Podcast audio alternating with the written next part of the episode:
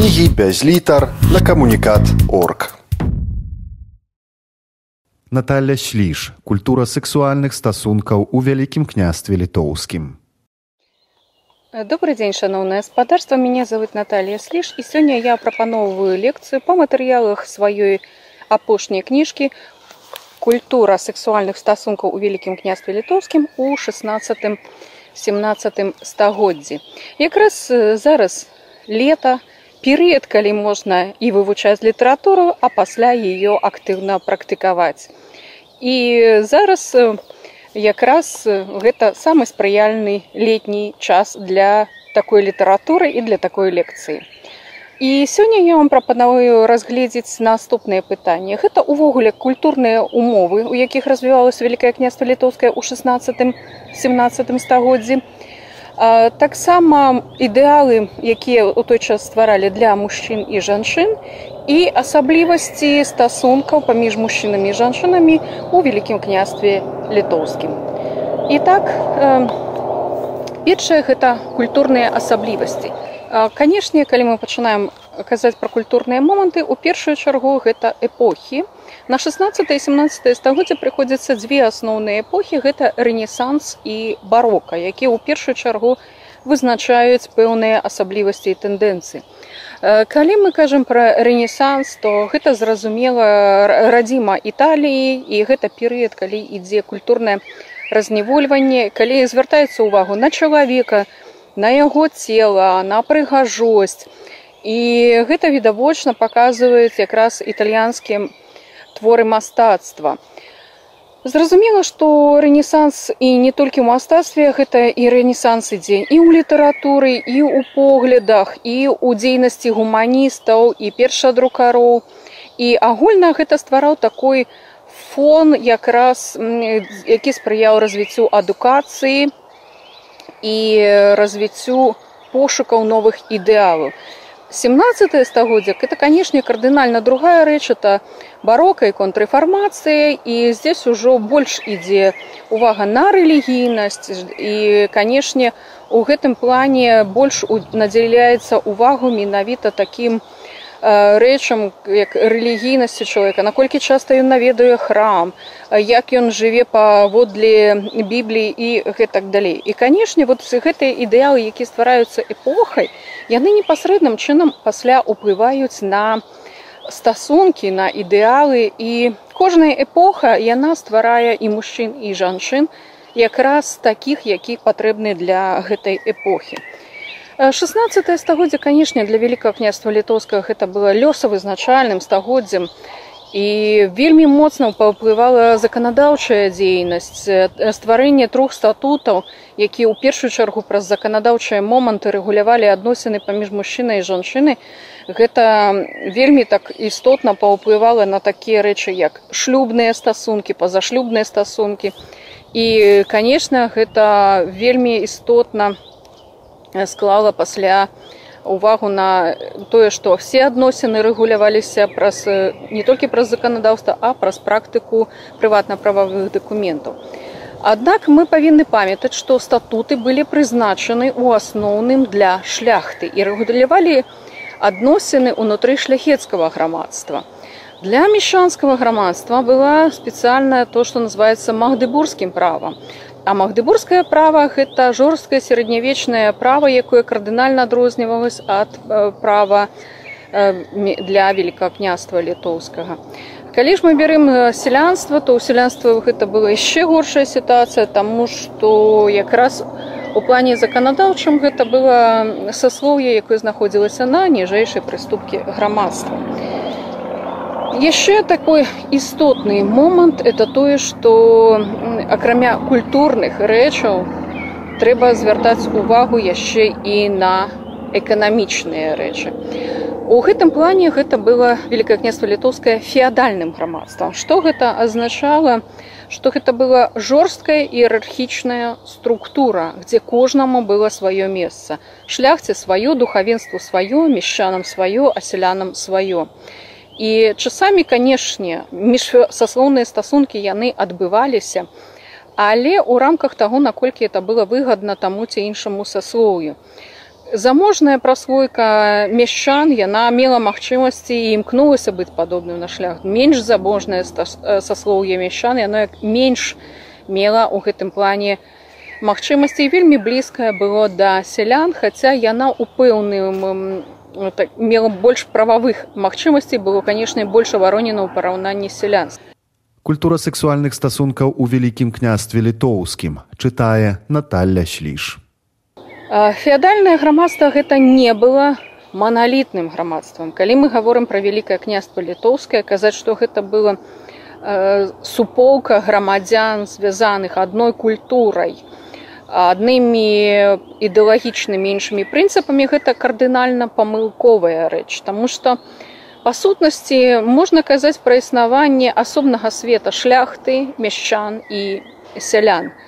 І шляхта яна адасобілася асабліва ў 16 стагоддзе для шляхты набыло вельмі важнае значэнне хаця яна сама была сялян тому что шляхты просто так не бывает і калі мы паглядзім працэс станаўлення шляхты яны все паступова выходзяць сялянскага саслоўя але была важная ідэалагічнай задача для шляхты адасобіцца менавіта ад іншых саслоўяў і таму придумываецца у цэлая тэорыя паводле якой шляхта мае паходжанне менавіта з рымскай імперіі і канешне гэта такой вельмі важны момант быў для станаўлення ідэалагічнай свядомасці шляхты. Наступны момант калі мы берем пра мяшчан то у мяшчаны это было больш спрактыкаванае грамадства яно жыло сваёй працай тым што зарабляла праз рамяство і гандаль і зразумела што пэўныя такія моманты можна сказаць эканамічна тое тое што для шляхты важна было прадставіць сябе як найлепшым на найвысокім чынам то мяшчане калі мелі на гэта магчымасць яны займаліся і мецэмацтвам і мастацтвам і гэтак далей. Але ў асноўным гэта было ўсё ж такі больш рацыянальнае грамадства. Сяляне гэта хоць яны былі прыналежныя і да духавенства і да э, дзяржавы і да э, шляхты гэта ўсё ж такі было самае ніжэйшае саслоўе якое больш за ўсё было залежнае і нават залежнае было ў плане сямейна-шлюбных дачыненняў таму што без дазвола пана яны не маглі пабрацца шлюбам. І у гэтым плане э, канешне гэта істотным чынам уплывае і на адносіны паміж мужчынай жанчынай і на свядомасць менавіта сялянскую. І не забываем что большасць грамадства на той час гэта было менавіта сялянскае грамадства. І канешне у гэтым плане чым адрозніваецца сялянскае грамадства? Яно было неадукаваным. І таму напрыклад стварыць свае ідэалы стварыць напрыклад як шляхта нейкія творы яна не магла. І адпаведна сялянскае грамадства у гэтым плане і фізічна не мела плана э, часу на гэта таму што гэта была вельмі цяжкая сялянская праца. І таксама трэба было мець э, вольны час для такіх момантаў і так э, мы уже абумовілі што грамадства было падзелена саслоўна і мела розныя погляды. Такім чынам калі мы кажам пра вобразы які ўнутры грамадства стварала ідэальны шляхціч ідэальны мешчанін і селянін гэта былі тры розныя вобразы таксама былі тры розныя вобразы жанчына шляхцянка мешчанка і сялянка калі мы вобраз шляхціча можам спакойна вывучыць праз такія рэчы як казанні на смерць казанні на вяселля якія яскрава паказваюць тое што было неабходна і то што для шляхты гэта ў асноўным все ж таки была баярская ідэалогія тому что по великкаму рахунку шляхты станавіліся селян выхадцы ты якія маглі праявіць мужнасць у экстрэмальных вайсковых сітуацыях і менавіта эта традыцыя працягвалася ў 16 стагоддзе што за вайсковыя пэўныя дасягненні людзі атрымлівалі шляхецтва і зразумела гэта рыса як вайсковасць рыцарства увесь час яно дамінуе калі мы гаворым пра шляхціча Канешне, з цягам часу яна перастае быць настолькі актуальнай, але тым не менш у панегерычных казаннях, іх таксама ў сістэме выхавання яна прысутнічала, таму што шляхціч павінен бы уметь валодаць зброяй і пры неабходнасці ўдзельнічаць вайсковых падзеях нават калі гэта каштавала вельмі дорага акрамя таго шляхціч гэта была асоба з адказнасцю сацыяльнай адказнасцю асабліва калі гэта займаў пэўныя пасады. І таксама гэта быў істотны момант. І выконваць свае пасады рознага плану гэта таксама было важна ў тыя часы. Культура сексуальных стасункаў у вялікім княстве літоўскім чытае Наталля шліш Наступны момант шляхціч гэта быў добры сем'янін. Гэта азначала, што ў яго была адпаведная яго статусу жонка.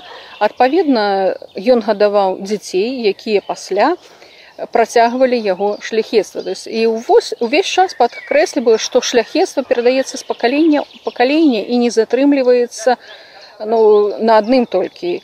І з кожным пакаленнем яно ўсё квітнее і што было важна што шляхціч наследаваў не толькі свай спадчыну шляхецкую вот у плане годнасці, але яшчэ сваім жыццём напрацоўваў сваю ўласную шляхецтва. Таму пералічваючы тыя ці іншыя рэчы, вот асабліва ў казаннях на смерць падкрэслівалась і вайсковыя подзвігі, і дзяржаўныя, і ўменне гаспадарыць і праяўленне лепшых рысаў у дзецях. Адносна мяшчан, канешне, захавалася значна менш панегерычных казанняў. У большасці, канешне, мы карыстаемся разнастайнымі дакументальнымі крыніцамі як статута, да і самі прыватна-прававыя крыніцы.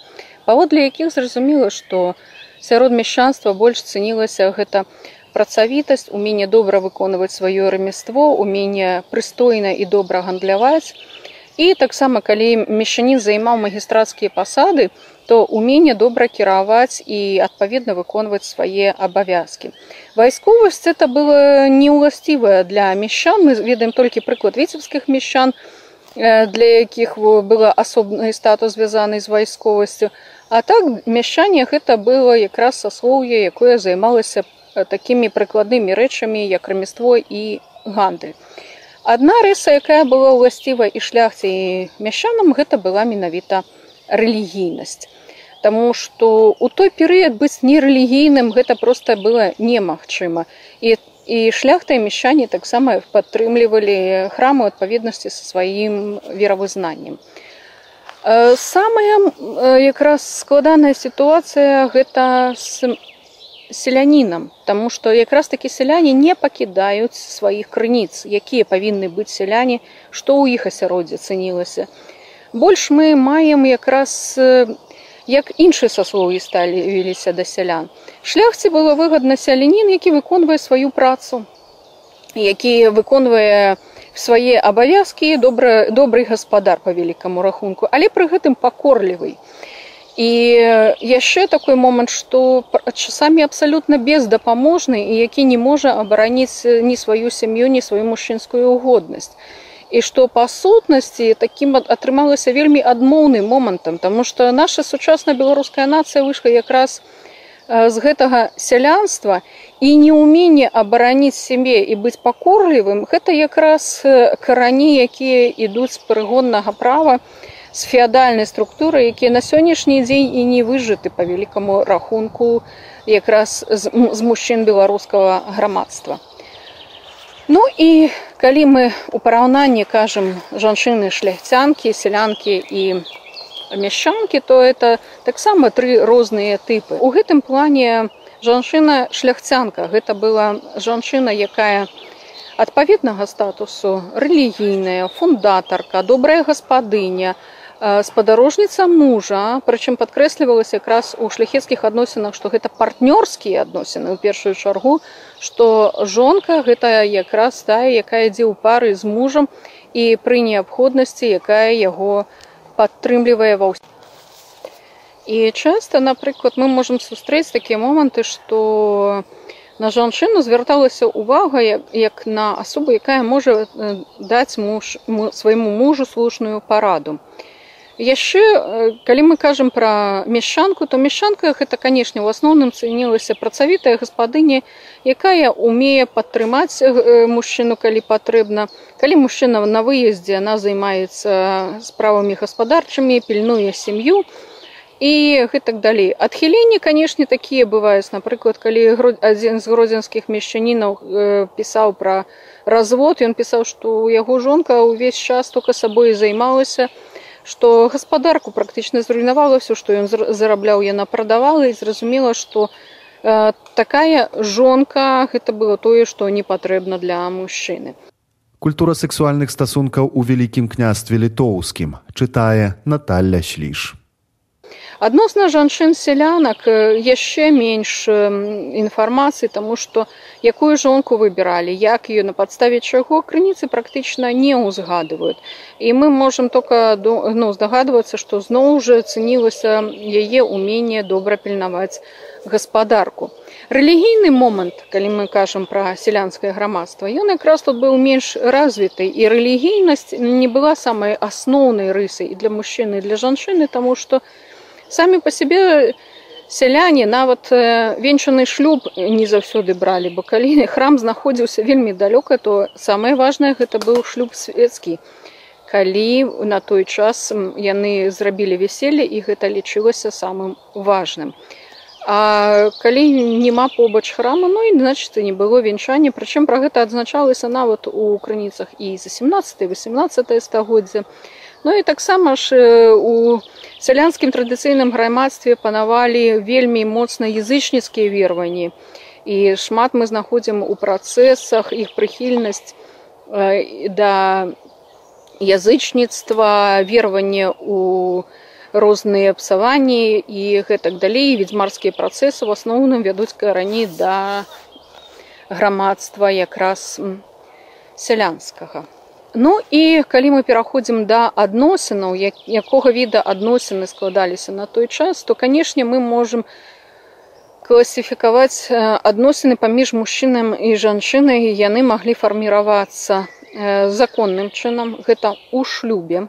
У першую чаргу шлюб, які быў законны, гэта значыць быў абряд вянчання, было вяселле, былі складзены адпаведна прыватна прававыя дакументы. Калі мы кажам пра шлях то гэта віноўны запіс выдадзены жанчыне пасаг складзены пасагавы рэестр. Сям'я жанчыны атрымала квіт пра атрыманне пасагу. І такім чынам гэта замацавалася яшчэ і дакументальна. Таму што шляхецкі шлюб гэта быў у першую чаргу рэлігійны акт І так калі мы гаворым пра пазашлюбныя адносіны гэта маглі быць адносіны для сумеснага пражывання але не зафіксаваныя пэўнымі працэдурамі. І гэта таксама лічыўся шлюб але як бы ён быў не венчаны з гэтай катэгорыі. Такім шлюбе маглі нарадзіцца дзеці таксама пазашлюбныя адносіны гэта маглі быць адносіны і для сексуальных кантактаў гэта адносіны для выпадковых або для трывалых кантактаў або нават адносіны для калі хадзілі да прастыту так это зноў жа катэгорыя пазашлюбных адносінаў. І канечне гэтыя адносіны забараняліся заканадаўствам асабліва за стасункі пазашлюбныя былі пэўныя меры прадугледжаны ў заканадаўстве як у статутах великкага княства літоўскага так і у магдыбургскім праве.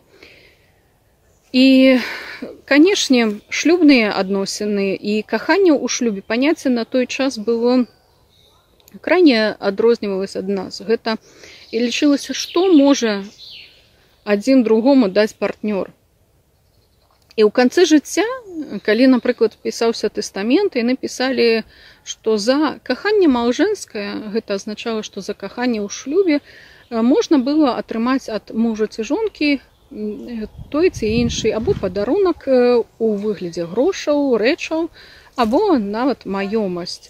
І гэта ў першую чаргу залежала ад таго як склаліся адносіны І калі адносіны былі добрыя, то гэта падкрэслівалось і прычым гэтыя адносіны добра пацверджваліся на працягу жыцця. То есть каханне мела матэрыяльнае вымірэнне, калі паказвалось менавіта праз падтрымку ў цяжкіх сітуацыях, праз дагляд у хваробах і гэтак далей што чалавек з якім ты жывеш і ты ему не абыва неабыякавы і ён гатовы для цябе нешта зрабіць у тым же плане у напрыклад у тэстаментах таксама пісалася што былі дрэдныя адносіны або былі выпадкі атручвання і тады ні мужу у дадзеным выпадку нічога не даставалася у плане маёмасці. І вот адразу было бачна якія адносіны так і сужэнец атрымліваў узнагародам і гэта бачна як у тэстаментах мешчанскіх так і ў тэстаментах шляхецкіх што менавіта каханне мае умоўна кажучы матэрыяльнае вымярэнне. За добрыя адносіны трэба была падзяка матэрыяльная. Культура сексуальных стасункаў у вялікім княстве літоўскім чытае Наталля шліш. І канешне адносін вот такое каханне якое мы можемм зараз сказаць там романтычная або жарсці гэта для шлюбу не разглядалася. Для шлюбу разглядалася якраз менавіта сацыяльны ўзровень разглядалася матэрыяльная выгода. Да прыязня яно мела значэнне але выбор мужа або жонкі выключна па каханню гэта тое што для шляхецкага грамадства абсалютна было незразумела але пры гэтым напрыклад для шляхецкага грамадства было абсалютна зразумелым цэніць ужо калі я жаніўся то цэніць тагоскі хто знаходзіцца побач. І канешне такія выпадкі мы сустракаем у сем'ях і у дакументах. Але просто вот за то что я там закахаўся атрымаць маёмасць не было. А вот менавіта за розныя сітуацыі напрыклад гарадзенскі катляр ян лукашевич януцевич ён усю сваю маёмасць прызначыў еве прушкоўскай за што? Калі ён патрапіў у цяжкую фінансавую складаную сітуацыю і яго зневоліў пан то жанчына прадала практычна все што ў яго было каб яго адтуль вызваліць. А яго сваякі нічым не дапамаглі і ён гэта выразна падкрэслівае і канешне гэта такой быў вельмі істотны момант таксама важна адзначыць што адносіны былі як прыязныя так і канфліктныя адносіны а канфлікты былі на рознай глебе у тым ліку і забойства якое магло здарацца ў розных сем'ях і інфармацыя пра канфлікты яна трапляе ў дакументы менавіта тады калі у нас якраз крымінальны ці полукрымінальны выпадак ці гэта выпадак разводу тады бачна што ідзе канфлікт у сям'і напрыклад як шлюбная здрада гэта была прычына канфлікту і прычына разводу напрыклад жонка осціка яна падала на развод у дадзеным выпадку таксама у якасці канфліктаў гэта гвалт у сям'і і прычым неаднаразовы гвалт калі ён выкарыстоўваўся супраць жанчыны. І збіццё або часамі вельмі жорсткі выпадак калі і збіццё заканчивалось забойствам такія выпадкі сустракаюцца. Наколькі гэта было масава мы не можам сказаць па сутнасці з-за таго што не ўсе дакументы захаваліся і ў асноўным гэта былі калі ў мешчан браць это крымінальныя справы крымінальныя суды. А калі мы берем шляхетствы то это агродскія суды. Гародскія суды не заўсёды захаваліся у поўнай меры. Але магу значыць што для шляхетства і для мешчанства не было уласцівым што выкарыстоўваць супраць жанчыны дзяцей гвалт гэта ёсць норма. І гэтыя рэчы адназначна лічыліся негатыўнымі. Напрыклад, у гродзенскім магістраце разглядаўся выпадак забойства агап'і кардашоўны. Падаў скаргу яе племеннік Павел Кардашевич на пархвена Кімбара. І сапраўды выпадак быў даволі жудасны, ён яе не проста збіў на вуліцы. Ён звярнуў шею ударыў нагамі не аднойчы па галаве і пасля калі пабачыў што ён яе забіў нагамі ён пацягнуў яе за намітку у нёман. У выніку быў даказаны выпадак забойства і ён быў пакараны на смерць. І таксама калі мы кажам што быў гвалт адносна жанчын але часам сустракаецца і гвалты адносна мужчын. І у гэтым плане э, былі выпадкі што жанчыны выкарыстоўвалі гвалт супраць мужчыны яны падавалі это напрыклад сустракаецца у сялян у мешчанскім асяроддзі неаднаразова напрыклад сустракаюцца такія скаргі у віленскім магістраце і напрыклад віленскі кравец павел арцімович падаў скаргу на жонку алену. У 1641 годзе калі ён прыняў свой дом. Все было нормально все было добра было добрае стаўленне а пасля яна на стала выносіць рэчы піць руйнаваць маёмасць і давяла сям'ю да жабрацтва. І таксама вот былі і такія выпадкі што былі неадпаведныя паводзіны і жанчын таксама у шлюбе падсумоўваючы нашу лекцыю я бы хацела звярнуць увагу на такі момант першае у 16 17 стагоддзі ВКЛ развівалася ў кантэксце тагачасных тэндэнцый і культурных і эканамічных. Грамадства мела выразны саслоўны падзел і ў кожным саслоўі існавалі свае ідэалы, якія ўплывалі на адносіны. І адносіны паміж мужчынам і жанчынай складываліся па-рознаму. Яны маглі быць і шлюбныя і пазашлюбныя, яны былі маглі быць і прыяснымі і канфліктнымі. Культура сексуальных стасункаў у вялікім княстве літоўскім чытала Наталля Шліш. Кнігі без літар на камунікат орг.